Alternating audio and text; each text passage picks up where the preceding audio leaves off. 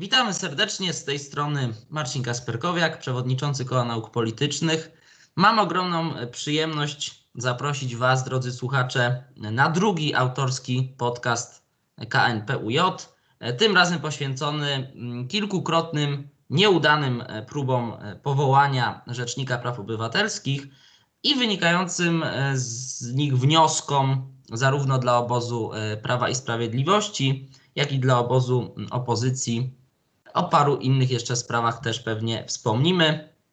I na ten temat podyskutuje ze mną dziś e, mój kolega, członek Koła Nauk Politycznych, e, Tomasz Synowiec. E, zanim oddam głos Tomkowi, który mm, pewnie postara się zarysować tło sprawy, o której będziemy rozmawiać, to jeszcze mm, wyjaśnię krótko, dlaczego o tym rozmawiamy.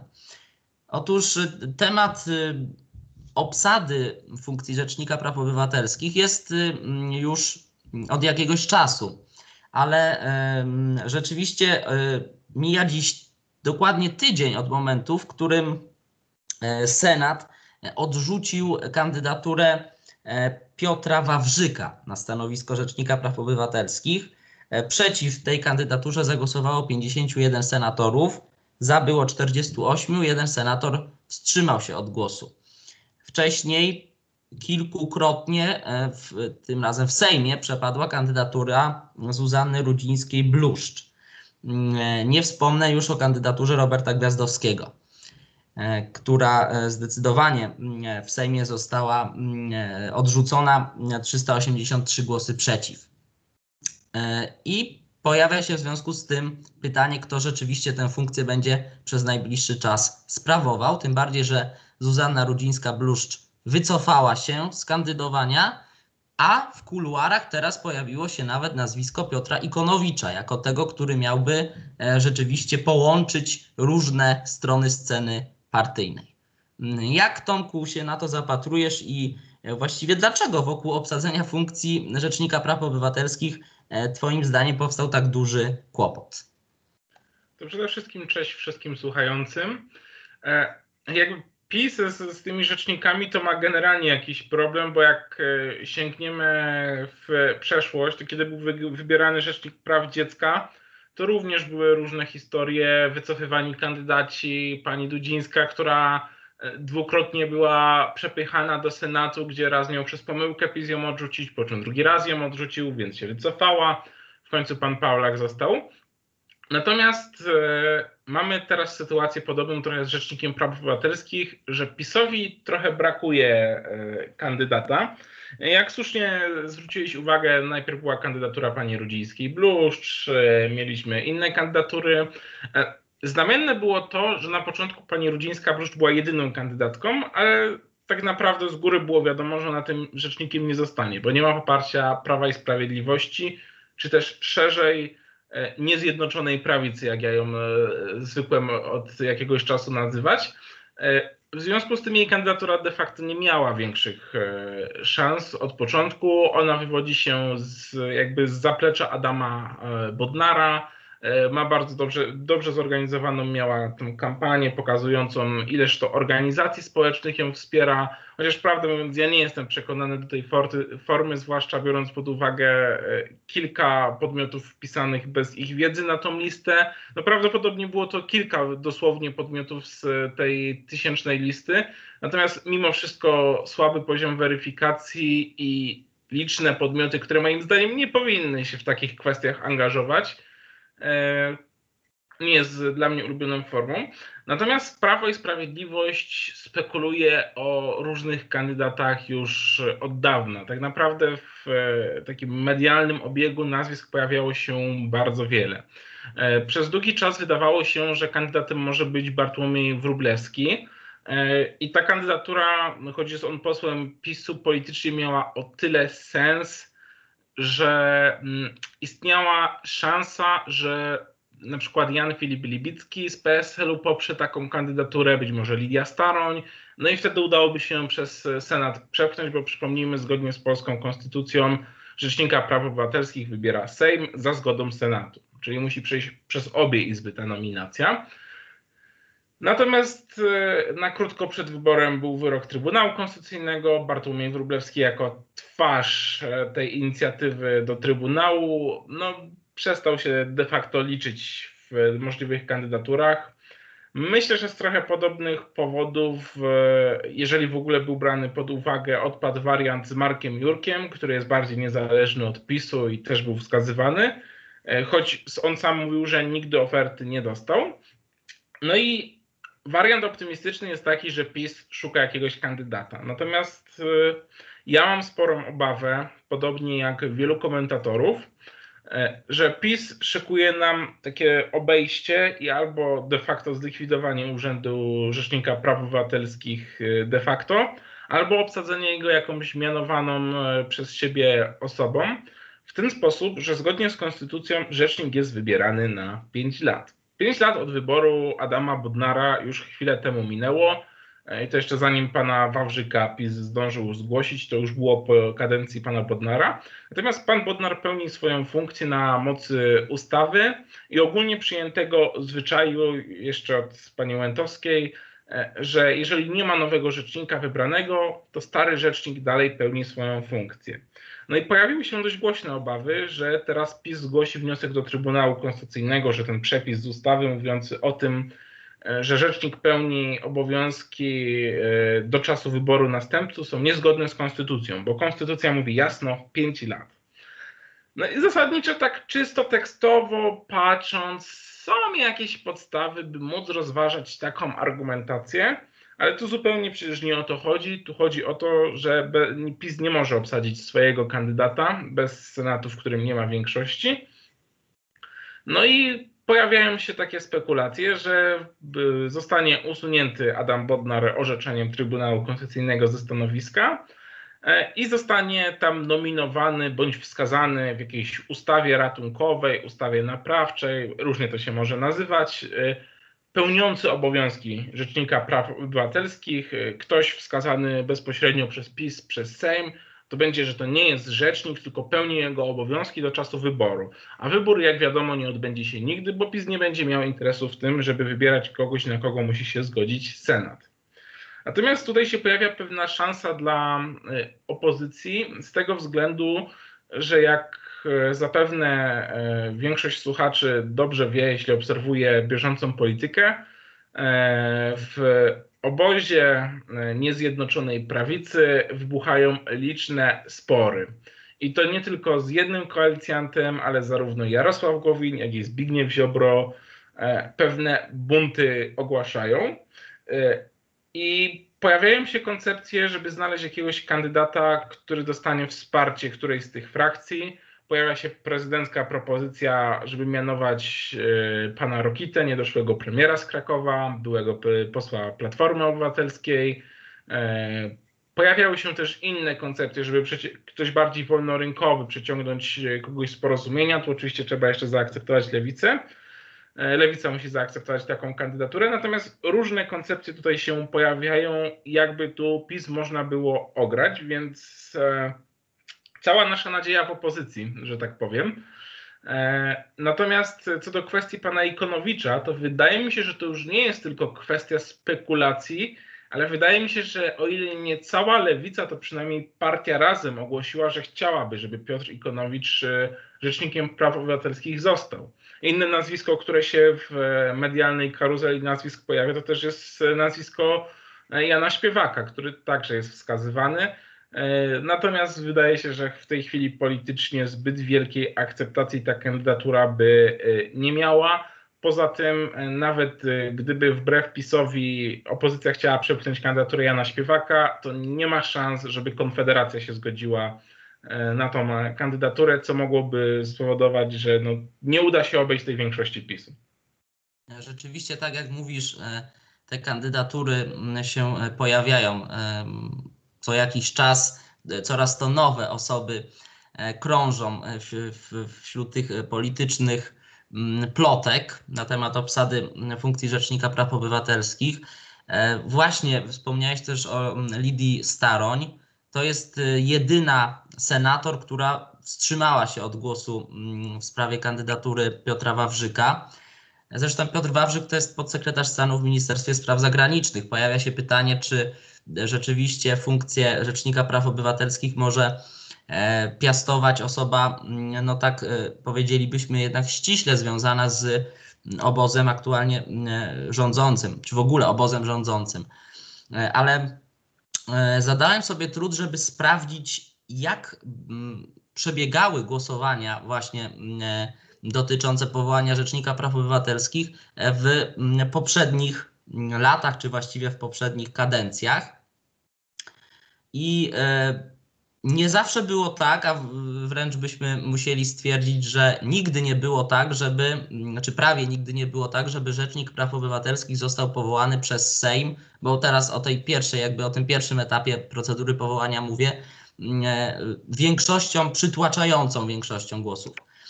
Było tak tylko właściwie z y, profesorem Adamem Zielińskim w 96. E, aż 326 posłów głosowało za, tylko jeden był przeciw, ale później było już pod względem tego szerokiego poparcia różnych y, stron sporu politycznego coraz gorzej, e, bo profesor Andrzej Col w 2000 już tylko 269 głosów za, a wstrzymało się aż 107 posłów.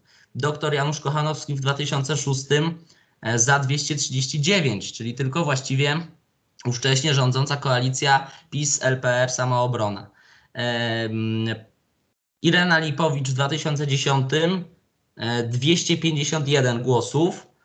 No i e, wreszcie Adam Bodnar w 2015 239 głosów. Znów ta liczba się tutaj powtarza. Też właściwie ta liczba ograniczona do mm, posłów, do posłów tworzących koalicję E, rządzącą. E, więc rzeczywiście ciężko też e, tutaj sformułować taki wniosek, że ten Rzecznik Praw Obywatelskich łączy wszystkie, wszystkie partie, czy, czy znajduje poparcie we wszystkich partiach. Teraz pojawia się pytanie, co to tak naprawdę oznacza dla pewnej dezintegracji, właściwie już postępującej dezintegracji obozu Zjednoczonej e, Prawicy.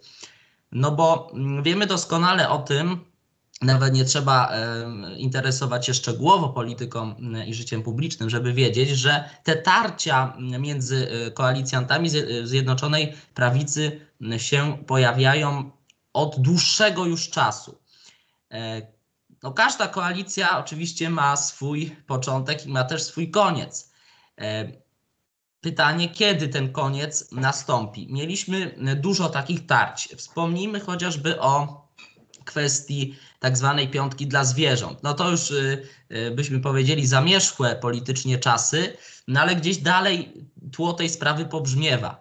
Teraz mamy kłopot z obsadzeniem funkcji Rzecznika Praw Obywatelskich, a przecież na horyzoncie majaczy nam problem e, wyborów prezydenckich w Rzeszowie. I cóż e, zrobi teraz e, Prawo i Sprawiedliwość, e, wiedząc, że na to stanowisko został niejako namaszczony przez dotychczasowego prezydenta Rzeszowa przedstawiciel Solidarnej Polski. Oczywiście mowa o Marcinie Warchole. Sondaż przeprowadzony, co prawda jest to sondaż wewnętrzny dla Solidarnej Polski, na użytek Solidarnej Polski, mówi o tym, że Warchoł wygrałby e, z przytłaczającą większością głosów te wybory. Czy Prawo i Sprawiedliwości opłaca się w związku z tym wy, wystawiać własnego kandydata tylko po to, żeby odróżnić się od swojego e, mniejszego e, koalicjanta?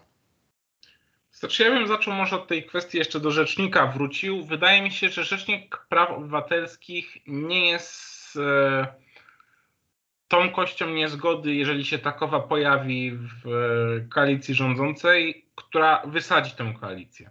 E, nie ma takiego potencjału przede wszystkim dlatego, że głównym blokującym jest tu jednak opozycja w Senacie. Więc z tego względu napięcia wewnętrzne e, między PiSem, porozumieniem Jarosława Gowina oraz Solidarną Polski Zbigniewa Ziobry nie są aż tak duże. Jakby ja też od jakiegoś czasu, właściwie tak naprawdę ja tezę o rozpadzie Zjednoczonej Prawicy e, i pierwsze moje używanie sformułowania niezjednoczona prawica zacząłem w maju 2020 roku, bo ja uważam, że de facto e, to był bodajże 6 albo 7 maja, wtedy kiedy ogłoszono Pakt Jarosławów. E, według mnie wtedy skończyła się Zjednoczona Prawica. My jeszcze tego jakby fizycznie nie obserwujemy, ale ja to czasami porównuję do mm, patrzenia w gwiazdy. Jest taka gwiazda Betelgeza bodajże, tutaj jeżeli jakiś fizycy nas słuchają, to pewnie przekręciłem coś, e, którą mówimy, że niedługo eksploduje pewnie i obserwują niektórzy. No ale kiedy my mówimy, że ona niedługo eksploduje, tak naprawdę mówimy, że światło z tej eksplozji do nas dotrze, ona eksplodowała już miliony lat temu. I może nie miliony lat temu, ale w maju według mnie rozpadła się Zjednoczona Prawica. Ale my patrzymy jeszcze w gwiazdy i światło tego rozpadu jeszcze całkowicie do nas nie dotarło. Obserwujemy tylko pewne symptomy tego mm, rozpadu, e, bo wydaje mi się, że odkąd Jarosław Gowin posiada przeświadczenie, że Jarosław Kaczyński mu już nie zaufa i nie da mu miejsca na listach, a przynajmniej nie da mu tylu miejsc na listach, żeby on podmiotowo cokolwiek e, jako grupa, jako partia znaczył w tej koalicji, to Jarosław Gowin wie, że nie może liczyć już tylko na współpracę z Jarosławem Kaczyńskim. Z kolei Jarosław Kaczyński wie, że Jarosław Gowin o tym wie, więc z tego względu też nie do końca może zaufać Jarosławowi Gowinowi. I tu się cykl sam z siebie napędza. Wydawało się w maju jeszcze nic nie wskazywało na to, że podobne problemy będą z Solidarną Polską, E, która w tej chwili w kuluarach już bardzo mocno deklaruje, że zresztą nawet nie tylko w kuluarach, już parę razy publicznie padło stwierdzenie, że oni w razie czego są do wyborów e, samodzielnie startując gotowi. No a jak mówią plotki, to oczywiście może być nieprawda, to nie jest zweryfikowane. Zbigniew Ziobro e, miał powiedzieć Jarosławowi Kaczyńskiemu na Radzie Koalicji, że w razie rozpadu koalicji on jest gotów do roli konstruktywnej opozycji, jest gotów do samodzielnego startu. Nie wiem na ile to są, jeżeli faktycznie te słowa padły, czcze przechwałki. Natomiast jestem przekonany, że również Zbigniew Ziobro po tych kilku konfliktach znalazł się już w tak ostrym spięciu z PiSem i Jarosławem Kaczyńskim, gdzie oczywiście spór dotyczy głównie Mateusza Morawieckiego, bo Zbigniew Ziobro chciałby być tym, kto po, kto po odejściu Kaczyńskiego stanie na czele polskiej prawicy, Natomiast Jarosław Kaczyński zdaje się postawił jednak na Mateusza Morawieckiego, chociaż często ostatnio się spekuluje, że być może to się jeszcze zmieni. Jednak Zbigniew Ziobro ma tą świadomość. Zbigniew Ziobro wszedł w kilka istotnych e, konfliktów e, z prezesem PiSu.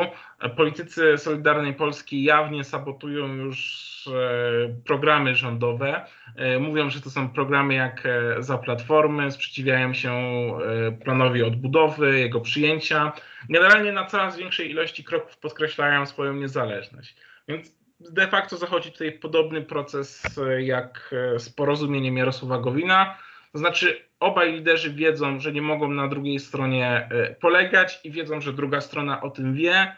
Z tego względu to wszystko ciąży ich e, ku e, rozpadowi i samodzielnemu, samodzielnym bytom w kolejnych wyborach parlamentarnych, które mają się zgodnie z terminarzem odbyć w 2023 roku. Ja bym tu wcale nie prorokował, że koniecznie odbędą się wcześniej.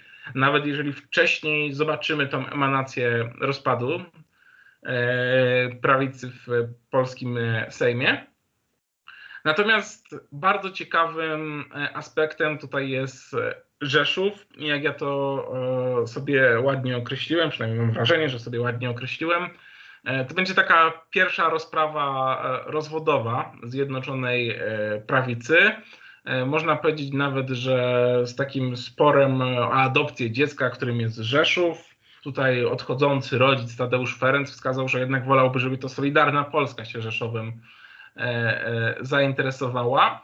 E, a PiSowi jest to ewidentnie w niesmak. Też warto zwrócić uwagę, mm, o jakim regionie mówimy.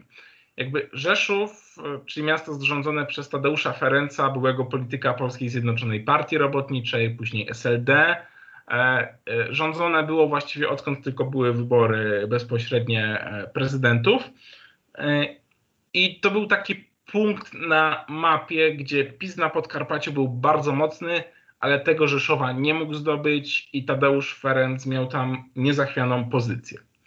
I teraz Tadeusz Ferenc wychodzi na konferencji prasowej i mówi: Popieramy Marcina, popieram Marcina Warchoła, on powinien mnie tu zastąpić, on dobrze zajmie się e, Rzeszowem. No i PiSowi, który ma świadomość tego, że drogi Solidarnej Polski i PiSu się rozchodzą, jest to ewidentnie niesmak, ponieważ będzie miało to kilka poważnych mankamentów. Jeżeli Marcin Warchoł zostałby prezydentem e, Rzeszowa, to w momencie e, takiego swoistego rozwodu politycznego między tymi partiami, okazałoby się, że tak, po pierwsze ma medialną postać rozpoznawalną w dużym mieście, która promocyjnie, kampanijnie może bardzo wesprzeć Solidarną Polskę. Solidarna Polska będzie walczyła w kampanii głównie o ten sam elektorat co PiS. E, natomiast jeszcze do tego dochodzą kwestie takie jak zasoby stanowisk. Jakby no, ludzie często narzekają, jak to politycy obsadzają e, swoich ludzi, natomiast to jest też wymiar taki taktyczny. To znaczy, w momencie, kiedy PiS wyrzuciłby Solidarną Polskę z koalicji, no to ze spółek Skarbu Państwa, z posad rządowych, te wszystkie osoby spadają. Część osób można było próbować przyciągnąć, część musi za coś dotrwać do wyborów, trzeba mieć jakieś zaplecze finansowe. E, miasto wojewódzkie jest takim zasobem, na którym sporo osób może przetrwać i jest to zasób e, politycznie niezależny od rządu. Więc po prostu dla Solidarnej Polski byłoby to e, wspaniałe miejsce do takiego punktu wyjściowego do odbicia polskiej prawicy e, PiSowi, a przynajmniej odbicia takiej części, żeby zachować podmiotowość i obecność w Sejmie. Tam jeszcze oczywiście dojdzie opozycja, która też nie może się zdecydować czy startuje razem, czy osobno. Zdaje się, że wspólnie już na pewno nie wystartuje, bo PSL ogłosił swojego kandydata. Natomiast jeszcze nie wiadomo, jak postąpi Polska 2050, e, Lewica i Platforma. Chociaż ja ze swoich informacji słyszałem, że Lewica nie chce się zgodzić ani na Pawła Kowala, ani na Pawła Poncyliusza z Koalicji Obywatelskiej, a to były nazwiska, które były tam rozpatrywane. No ale powiedz mi, czy ty przede wszystkim zgadzasz się z tą tezą, że Zjednoczona Prawica już de facto się e, e, rozpadła i że Rzeszów będzie tym pierwszym polem bitwy batalii rozwodowej? Wydaje mi się, że mm, jest sporo racji w tym twierdzeniu, że Zjednoczona Prawica rozpadła się tak naprawdę już jakiś czas temu, a my jeszcze tylko łudzimy się, czy mm, nie chcemy zauważyć do końca tego, że, mm, że tylko jest to gdzieś tam cień ten, tej dawnej Zjednoczonej Prawicy. Oczywiście wybory prezydenckie w Rzeszowie to jest y, świetny sprawdzian polityczny. Y, tylko, no właśnie, zależy dla kogo w skutkach okaże się y, pozytywny. Na pewno mm, nie będzie wspólnego startu kandydata popieranego przez wszystkie partie opozycyjne. Tak jak mówiłeś, tak jak wspomniałeś, PSL już wystawił swojego kandydata. Nie konsultując tego oczywiście z pozostałymi ugrupowaniami opozycyjnymi. Polska 2050 jest jeszcze, mm, postępuje jeszcze jak kelner, który nie, nie spieszy się z, z podaniem mm, dania głównego. Na pewno mm, koalicja obywatelska e, będzie próbowała porozumieć się z lewicą. Właśnie pytanie, E, Paweł Kowal, Paweł Poncyliusz, nazwiska kojarzone z koalicją. Ciężko e, powiedzieć, kogo ma w zanadrzu lewica w, w, w tym wyścigu, któż tam szykuje się w blokach startowych. Niewątpliwie wybory prezydenckie w Rzeszowie są szansą z jednej strony, a z drugiej pewnym zagrożeniem, e, przynajmniej w mojej opinii dla Prawa i Sprawiedliwości, bo e, Gdyby Prawo i Sprawiedliwość wystawiło własnego kandydata, a tutaj się mówi o obecnej e, pani wojewodzie podkarpackiej Ewie Leniart, wtedy Prawo i Sprawiedliwość startuje niejako przeciw Solidarnej Polsce. E, myślę, że e, ciężko byłoby też pogodzić się PiSowi e, z porażką, gdyby do takiej w Rzeszowie doszło. I to jeszcze na rzecz mniejszego koalicjanta, prawda, który miał ten koalicjant oczywiście nie merdać psem, cytując słynne słowa Jarosława Kaczyńskiego. Gdyby z kolei Ewa Leniart czy inny kandydat Prawa i Sprawiedliwości wygrał, mm, no, miejsce Solidarnej Polski zostałoby rzeczywiście w tym szeregu znów przywrócone. Tylko mm, czy Solidarna Polska mm, zrezygnuje dobrowolnie, albo nawet niedobrowolnie, z wystawiania własnego kandydata w sytuacji, gdy tego kandydata nawet sama Solidarna Polska nie musiała wskazywać, bo wskazał go odchodzący prezydent Rzeszowa Tadeusz Ferenc. To jest zresztą ciekawa e, politycznie kwestia, również pod względem oczywiście, o czym też wspomniałeś, przynależności e, Tadeusza Ferenca.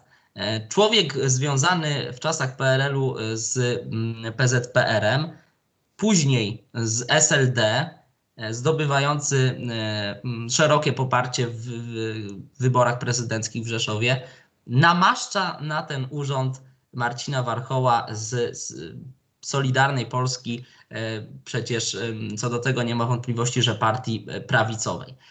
E, natomiast ja jeszcze bym na chwilkę wrócił do tego pytania, które mi właściwie zadałeś, na które ja tylko w jednym zdaniu na początku odpowiedziałem, czyli czy uważam, że rzeczywiście ten rozpad, ten rozpad już się dokonał, czy, czy jest, czy, czy nie możemy już mówić o Zjednoczonej Prawicy. Powtórzę to zdanie, że rzeczywiście myślę, że ten rozpad się dokonał, ale uszczegółowię nie wiem, czy wybory prezydenckie w Rzeszowie, e, zwłaszcza oczywiście w sytuacji, gdy PiS nie wystawi własnego kandydata, m, czy te wybory rzeczywiście ukażą, jak w soczewce, ten e, wewnętrzny spór między koalicjantami. Ja myślę, że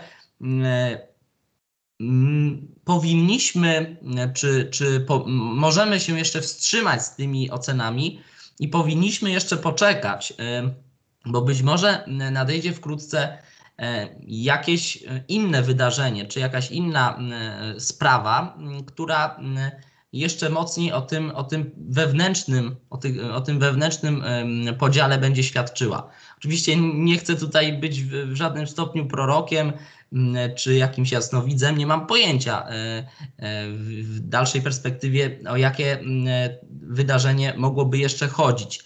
E, ale zawsze proces rozpadu koalicji rządzącej, czy to w Polsce, czy pewnie również w innych krajach, nie dość, że postępuje wolno i my jako świadkowie nie jesteśmy tego w stanie zauważyć niejednokrotnie, to jeszcze ten proces zawsze wieńczy jakieś z pozoru mało ważne wydarzenie. E, choćby spójrzmy na rozpad koalicji AWS-UW. Przecież tak naprawdę chodziło o stołek y, prezydenta Warszawy.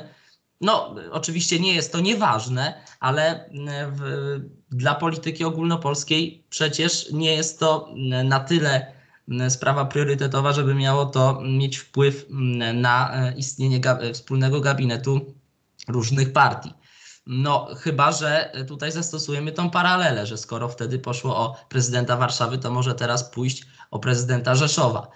To pewnie zobaczymy i pewnie będziemy to jeszcze z zapartym tchem e, śledzić. E, czy Tomku, ty byś mógł może w przeciwieństwie do mnie e, wskazać jakiś prawdopodobny, jakieś prawdopodobne w niedalekiej przyszłości wydarzenie, które no, niejako już scementuje ten rozcementowany układ upadku Zjednoczonej Prawicy? Czy, czy byś jednak nadal był przy tym stwierdzeniu, że wybory prezydenckie w Rzeszowie ten rozpad koalicji mm, no, niejako potwierdzą? To znaczy, ja bym tu trochę może sprecyzował moje twierdzenie o tej pierwszej rozprawie rozwodowej w, e, e, w Rzeszowie. Ci, którzy znają pro, procesy w polskich sądach, wiedzą, że wyrok niekoniecznie zapada na pierwszym posiedzeniu. E, I nie uważam, żeby koniecznie w Rzeszowie już ta koalicja oficjalnie się rozeszła. To po prostu już będą takie coraz liczniejsze gromy. Też jak chodzi o jedno jakieś wydarzenie, to nie jestem w stanie go wskazać, zwłaszcza, że w tej chwili te wydarzenia będą do jakiegoś stopnia prokurowane. To znaczy, Solidarna Polska i Porozumienie, mając świadomość, że e, w optymistycznym wariancie, jeżeli nie oceniają tej sytuacji aż tak e, czarno z punktu widzenia jedności e, formacji rządzącej jak my, to muszą przynajmniej ocenić, że istnieje takie ryzyko, że ich drogi się rozejdą. A jak ich drogi się rozejdą, to w tej chwili ani Solidarna Polska, ani porozumienie Jarosława Gowina nie posiadają odpowiedniej pozycji, odpowiedniej siły ku temu, żeby samodzielnie zawalczyć. No, mogą się odgrażać, że posiadają, ale w chwili obecnej jeszcze nie posiadają. W związku z tym ten rozwód polityczny trzeba przeprowadzić tak, żeby sąd, a tym sądem będzie społeczeństwo, a zwłaszcza wyborcy y, Prawa i Sprawiedliwości, w szczególności w przypadku Solidarnej Polski, w przypadku porozumienia to podejrzewam będą trochę inne grupy, ale żeby społeczeństwo będące sędzią orzekło, że ten rozpad małżeństwa to y, politycznego nastąpił z winy PiSu. No bo to będą benefity. E, jeżeli Solidarna Polska przekona wyborców PiSu, że to wina PiSu, że się koalicja rozpadła, że Solidarna Polska realnie reprezentuje te interesy, którym PiS e, pod wodzą e, zdradzieckiego doradcy Tuska, Mateusza Morawieckiego e, przeprowadza, tak naprawdę jest zdrada tych wszystkich ideałów, no to wówczas można przyciągnąć ten elektorat. Wychodząc po prostu z koalicji, mówiąc do widzenia, my się żegnamy, tego efektu się nie osiągnie. Jakby tutaj zarówno PiS, jak i mniejsi koalicjanci będą grali na to, żeby na nich zwalić tą winę. No, ze strony PiSu już widzimy też w kierunku porozumienia, oskarżenia, jakież to e, niecne konsztachty Jarosław Gowin utrzymuje nocami z Donaldem Tuskiem i innymi platformerskimi przywódcami, w jakież to on porozumienia, żeby zniszczyć to porozumienie Zjednoczonej Prawicy nie wchodzi. I oczywiście tu będą różnego rodzaju rozgrywki prowadzone. No i w takiej sytuacji nie musi nastąpić nawet jakiś wielki kryzys. Wystarczą jakieś ustawy, w których któraś z partii będzie dostrzeże pewien potencjał zamanifestowania swojego sprzeciwu, swojej niezależności, tego jak to troszczy się o Polaków, a ten duży koalicjant PiS robi coś źle i my was przed tym chronimy. Natomiast y, lekko bym się z Tobą nie zgodził co do sytuacji, że jeżeli E, minister Warchoł przegrałby z kandydatem, kandydatką PiSu, to oznaczałoby spacyfikowanie jego pozycji do pozycji tej, którą Solidarna Polska miała czy ma, czyli niższej, bo e, według mnie taka sytuacja miałaby miejsce, gdyby minister Warchoł przegrał i w dodatku otrzymał maksymalnie w granicach 10% poparcia. Wtedy bym się z tym zgodził. Natomiast jeżeli minister Warchoł nawet przegra te wybory, ale przegra te wybory wchodząc do drugiej tury, uzyskując 40%, czy nawet w pierwszej turze zakładając, że byłoby trzech kandydatów powyżej 20%, to minister Warchoł staje się bardzo rozpoznawalną, silną postacią w Rzeszowie, co też jest silnym atutem wyborczym. To oczywiście się absolutnie nie umywa do atutów wyborczych, jakim byłby prezydent Warchoł, który notabene do Sejmu mógłby wystartować, bo wcale nie jestem przekonany, że on by tam koniecznie chciał zostać e, na długie lata, a być może też gdyby chciał, to być może by wystartował i po prostu mandatu e, poselskiego nie przyjął, a prezydent miasta ciągnący listę to dla Zbigniewa Ziobry byłaby fantastyczna rzecz w walce o 5%. Natomiast tutaj bym dorzucił jeszcze, dlaczego moim zdaniem PiS będzie niechętny na zgodzenie się na ministra Warchoła, oprócz tej ogólnopolskiej polityki dochodzi jeszcze kwestia tego, kto jest szefem struktur w Rzeszowie. Jest nim nie kto inny jak Krzysztof Sobolewski. Być może przeciętnemu obserwatorowi życia politycznego postać nie aż tak powszechnie znana.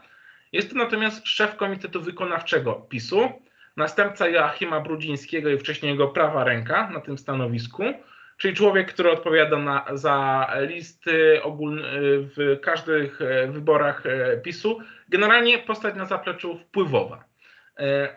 E, I on bardzo nie chciałby, żeby ktoś mu tam na jego podwórku e, e, bruździł, żeby mu podmywał teren, odbierał wpływy wyborców, a z pewnością kandydatura Marcina Warchoła byłaby takim podmyciem. Warto też zwrócić uwagę na takie pragmatyczne kwestie. W kampanii wyborczej, jeżeli PiS poparłby Marcina Warchoła, to jest wielu sympatyków, aktywistów, którzy się w tą warszawską politykę nie bardzo bawią, to znaczy ich interesuje poparcie dla Zjednoczonej Prawicy, wszystko fajnie, ale oni niekoniecznie będą się orientowali, że Solidarna Polska jest z PiSem już skłócona. I w kampanii wyborczej Marcin Warchoł może zbudować sieć kontaktów, porozumień, taką, że kiedy przyjdzie do tego rzeczywistego rozłamu, on do każdego będzie miał numer i zadzwoni e, do jakiegoś aktywisty, który zebrał kilka podpisów i mu powie, jakie to straszne, że koalicja się rozpadła, że to przykre, że PiS poszedł w taką stronę. No i generalnie, czy pomogą mu ci ludzie w e, kampanii, żeby ta prawdziwa polska prawica troszcząca się o Polskę, e, o, o nasz naród, suwerenność, patriotyzm, w zależności co do kogo trzeba będzie tam powiedzieć, e, mogła przetrwać. I wydaje mi się, że to też jest e, argument e, przeciwko temu, że oni się zgodzą. Zwłaszcza, że Krzysztof Sobolewski ma dojście do Jarosława Kaczyńskiego, więc wydaje mi się, że on będzie bardzo silnie optował. Nie gódźmy się absolutnie na to, żeby Marcin Warchoł był naszym kandydatem. E, też warto tu podkreślić, że struktury regionalne PiSu już zaznaczyły, że one jasno opowiadają się za wystawieniem własnego kandydata. Natomiast problemem dla PiSu jest faktycznie kogo wystawić. Pojawia się nazwisko pani Leniart. E, I prawdę mówiąc, ja sprawdzałem, jakie wyniki mieli kandydaci w ostatnich wyborach parlamentarnych e, do Sejmu w samym Rzeszowie, nie w całym okręgu. No i faktycznie pani Leniart ma tam jeden z e, lepszych, nawet chyba najlepszy wynik przed Krzysztofem Sobolewskim. Ale pani Leniart nie jest już posłanką, bo jej się posłowanie znudziło w bardzo szybkim e, terminie, wróciła na stanowisko wojewody. Ona zdaje się nie ma ambicji wychylać się poza to stanowisko e, nosa, więc pytanie, jakie też byłoby jej zaangażowanie, rozpoznawalność i tak dalej. No ale jak popatrzymy na alternatywy, to w Rzeszowie jest jeszcze Krzysztof Sobolewski, być może persona na zapleczu PiSu ważna, natomiast e, powodzenia życzę temu PR-owcowi, który chciałby zrobić z niego świetnego kandydata. Moim zdaniem, znając e, wystąpienia medialne pana Sobolewskiego, to jest zadanie niewykonalne. No i jest jeszcze pan Buczek, który e, nie dostał się ostatnio w, na Podkarpaciu, w okręgu rzeszowskim do Sejmu z listy PiSu. Natomiast miał wysoki trzeci wynik e, e, w wyborach e, do Sejmu w samym Rzeszowie. To jest też były kandydat PiSu na prezydenta Rzeszowa w ostatnich wyborach samorządowych, które przegrał uzyskując 28%. To jest zdecydowanie niżej niż sam PiS notuje w, normalnie w samym Rzeszowie wyborach, bo PiS notuje w Rzeszowie około 40%. E, więc, a następny na liście z najwyższym wynikiem był właśnie pan Warchoł. No, w związku z czym sytuuje się to tak, że PiS trochę e, musi kogoś wystawić, bardzo chcą i regionalnie, i ogólnopolsko, ale nie mają tak silnego nazwiska, które raczej gwarantowałoby zwycięstwo. Nie wiem, być może liczą na to, że uda się pana Warchoła zepchnąć na tyle do narożnika, że to on nie wszedłby do drugiej tury. Natomiast mi ciężko w to uwierzyć. Też warto zwrócić uwagę na to, jak rozkłada się elektorat. Ja przeglądałem dzisiaj wyniki wyborów i porównywałem komisjami wyniki wyborów e, samorządowych i parlamentarnych. I wniosek z tego porównania danych jest dość jednoznaczny. To znaczy, nie ma matematycznie możliwości właściwie, e, po prostu jest właściwie to widać po tych danych, wyborcy PiSu w dużej części w wyborach samorządowych głosowali na Tadeusza Ferenca. To jest ważne według mnie z tego względu, że część osób zastanawia się, czy wyborcy Ferenca są w stanie poprzeć ministra Ziobry. Moim zdaniem, jeżeli to są wyborcy PiSu, to jak najbardziej. A jednocześnie są to wyborcy, którzy nie kierują się czysto sympatią e, partyjną, ale też jakimś lokalnym e, zadowoleniem rządów Ferenca. I wydaje mi się, że te osoby rekomendacja Ferenca jak najbardziej może przekonać, a ja jestem nawet przekonany, że część wyborców niepisowskich będzie skłonna poprzeć Marcina Warchoła, który oczywiście też będzie mógł spokojnie rywalizować o ten elektorat pisowski. W związku z czym wydaje mi się, że tutaj sytuacja PiSu będzie dość e, ciężka i zarówno w jedną, jak i drugą stronę jest e, niefajnie dla nich. Natomiast e, jak mówiłeś, że nie wiesz za bardzo, kogo tam z kandydatów z Platformy Obywatelskiej, to wydaje się, że e, w tej chwili jednym z faworytów do nominacji, która mogłaby być wtedy wspólną kandydaturą zarówno Platformy, jak i Lewicy, jest jeden z lokalnych działaczy i liderów Platformy w tamtym regionie, pan Zdzisław Gawlik. On był dwójką w ostatnich e, wyborach za Pawłem Poncyliuszem, nie jest posłem. Nie orientuje się zbytnio, e, jakie on poglądy blisko pre, konkretnie prezentuje, czy jest w stanie zrobić dobrą kampanię wyborczą. Natomiast z tego, co się próbowałem dowiedzieć, to chyba nie jest to kandydat nieakceptowalny dla lewicy. No i oprócz tego przewodniczący Rady Miasta, związany wcześniej z panem Ferencem, e, wiceprezydent Ustrobiński ogłosili, że rozważają swoje kandydatury. I też pytanie, co powinien zrobić Szymon Hołownia? Bo to trochę jest dygresja od naszego dzisiejszego głównego tematu, czyli walki rozpadu Zjednoczonej Prawicy. Natomiast też walka trwa na opozycji o miano palmy lidera. I Szymon Hołownia ma troszkę trudną sytuację, bo jeżeli wesprze kandydata Platformy, a ten wygra bądź osiągnie bardzo wysoki wynik, to Platforma w tych wyborach, które będą przecież ogólnopolsko relacjonowane, będzie pokazywała, że to ona jest tym czonem opozycji i będzie do siebie ściągała tych e, wyborców. A jeżeli wystawi swojego kandydata, który nie osiągnie dobrego wyniku, to to też może mu tendencję sondażową ogólnopolską bardzo mocno e, załamać. Ja się zastanawiam, czy optymalnym rozwiązaniem dla Szymona Hołowni, ewentualnie także lewicy, nie byłoby poparcie któregoś z tych niezależnych kandydatów, tylko tu najlepiej, żeby startował jeden, bo wtedy umywają ręce i mówią, no zasadniczo to nie jest nasz kandydat, ale my rozumiemy specyfikę samorządu, my potrzebujemy e, samorządowców, którzy są niezależni od partii, my tu wspieramy. No i w sytuacji, kiedy ten samorządowiec uzyska niski wynik, no naszego kandydata nie było, to nie jest nasz wynik, a w momencie, kiedy e, uzyska bardzo dobry wynik, no to chwalimy się, że to nasze poparcie mu bardzo e, pomogło. Czyli jak to zwykle bywa, porażka jest sierotą, a sukces ma wielu ojców. I wydaje mi się, że tutaj możemy doszukiwać różnych e, jeszcze ciekawych zagrywek. Pozostając w tej dygresji dotyczącej opozycji i dotyczącej Szymona Hołowni, jego ruchu Polska 2050. E, ja się cały czas zastanawiam, w którą stronę pójdzie e, Polska 2050 Szymona Hołowni. E, bo biorąc pod uwagę fakt, na który zresztą uskarżają się politycy innych partii opozycyjnych w Sejmie, to znaczy fakt no, takiego, jak to niektórzy określają, podbierania posłów przez Szymona Hołownię do swojego koła poselskiego, już teraz koło poselskie, prawda? Polska 2050 powstało. E, biorąc pod uwagę fakt, że e, posłowie czy posłanki, które do tego koła dołączyły, mm, no nie prezentują raczej poglądów prawicowych. Mm, e, to znaczy, Polska 2050 raczej dryfuje tym swoim stateczkiem w kierunku formacji centrolewicowej. Mm, Szymon Hołownia nie ma tak naprawdę całościowego, przynajmniej ja takiego nie widziałem, programu politycznego. Mm, jedynie, mm, póki co chyba jedyną kwestią, na, którą się, na której się skupia, to jest y, rozdział państwa od kościoła i jak go mądrze, skutecznie przeprowadzić. Nie mam też za bardzo, mm, nie mam też za bardzo wątpliwości co do tego, że pomysł E, koalicji Obywatelskiej na powołanie koalicji 276 mm, spalił na panewce, zanim tak naprawdę e, powstał.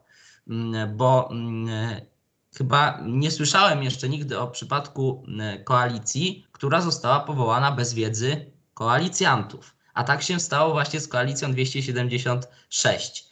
Ona w sondażach, co prawda, o ile się nie mylę, nawet wygrałaby z PiSem, no ale Mm, pojawia się tutaj zasadniczy y, kłopot. Jak powinna mm, rządzić, czy w ogóle jest możliwe e, objęcie i y, sprawowanie rządów przez mm, koalicję złożoną z tak skrajnie różnych i wielu e, ugrupowań politycznych. Od skrajnej lewicy, e, no może nie do skrajnej prawicy, ale do powiedziałbym takiego, takiej centroprawicy czy, czy prawicy. czy możemy w ogóle liczyć się ze scenariuszem, który też gdzieś tam się pojawia w ostatnim czasie i nie jest wcale odrzucany w debacie publicznej, że powstanie formacja skupiająca osoby utożsamiające się jako konserwatyści. Klub konserwatystów, ktoś niedawno napisał w jednym z artykułów, może część Polski 2050 z częścią, czy nawet całością porozumienia Jarosława Gowina, do tego część, e, część posłów czy członków Polskiego Stronnictwa Ludowego, może jeszcze rozbitki e, z z 15 i mamy receptę na wyjście z, te, z tego patu i wyjście z mm, e, różnych skrajnych rozwiązań, bo przecież taka, taka koalicja mogłaby uchodzić za wymarzoną koalicję centrową, zdolną e, różne decyzje w sposób wyważony podejmować.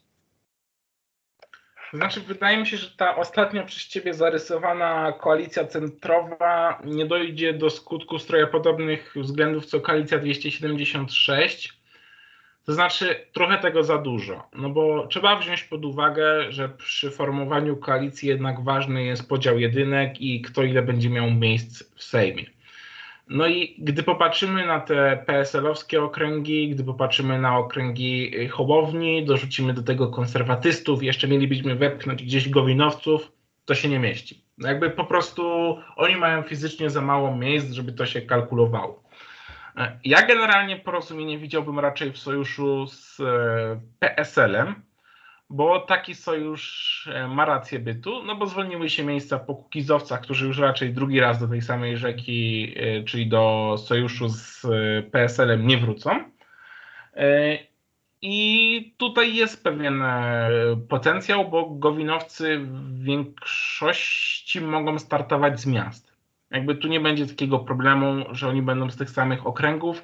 Nawet jak są e, nie miejscy kandydaci porozumienia, no to można ich przerzucić do jakichś miast. E, spadochroniarstwo nie zawsze jest e, czymś, co przekreśla szansę na zwycięstwo. Natomiast co do spalenia na panewce koalicji 276. Ja uważam, że koalicja 276 nie spaliła na panewce, bo od początku jej celem wcale nie było zjednoczenie opozycji pod jednym komitetem wyborczym. To się prawdopodobnie nie uda z wielu powodów. E, na przykład poleciłbym analizę, jest na stronie klubu jagiellońskiego, nie wiem, jak mamy możliwość, to gdzieś w opisie możemy link do tego artykułu wrzucić, gdzie jeszcze w, przed tymi wyborami parlamentarnymi było wyliczenie, dlaczego nie powstanie wspólna lista opozycyjna e, do Sejmu. To znaczy, to się zwyczajnie subwencyjnie, finansowo nie opłaca. Wszystkie formacje dostałyby mniej pieniędzy niż startując oddzielnie przy tych samych wynikach. Więc e, to jest pewien minus, e, który na pewno działacze w partiach będą brali pod uwagę. Po drugie, dogadać jedynki i dogadać programowo tak różne e, formacje jest niemożliwe. Dlaczego więc uważam, że koalicja 276 spełniła swoje zadanie? Bo rolą e, koalicji 276 było skupienie uwagi na platformie, pokazanie, że platforma może pokonać PiS, że wspólnie w ogóle pokonujemy większością e, zdolną odrzucić weto PiS, a teraz wy jak do nas nie przychodzicie, to e, tak naprawdę działacie e, na rękę PiSu, bo teraz PiS będzie mógł się przed tą odpowiedzialnością wymigać. A gdybyście z nami poszli, to byłoby wszystko super. Więc to jest taki trochę rodzaj szantażu skierowany nawet nie tyle do tych partii, co do ich wyborców, pokazujący chodźcie do nas, my jesteśmy tym prawdziwym antypisem, a oni nie do końca. Więc e, tutaj wydaje mi się, że jakby nie spaliło. Wydaje mi się, że poruszyłeś jeszcze jakąś jedną kwestię, ale mi umknęło. Natomiast e, nie wiem, czy to teraz było, czy wcześniej, do tego prezydenta Warszawy, Pawła Piskorskiego. Ja uważam, że to jak najbardziej może być pewna paralela do wyborów w Rzeszowie. E, to będziemy zdecydowanie mm, obserwować i, mm, i na pewno jeszcze może troszeczkę w innej formie, pod innym tematem, przy innej okazji, ale powrócimy do tych spraw, o których dziś e, rozmawialiśmy. Bardzo Ci dziękuję, Tomku. To był nasz drugi autorski podcast Koła Nauk Politycznych. Marcin Kasperkowiak i Tomek Synowiec.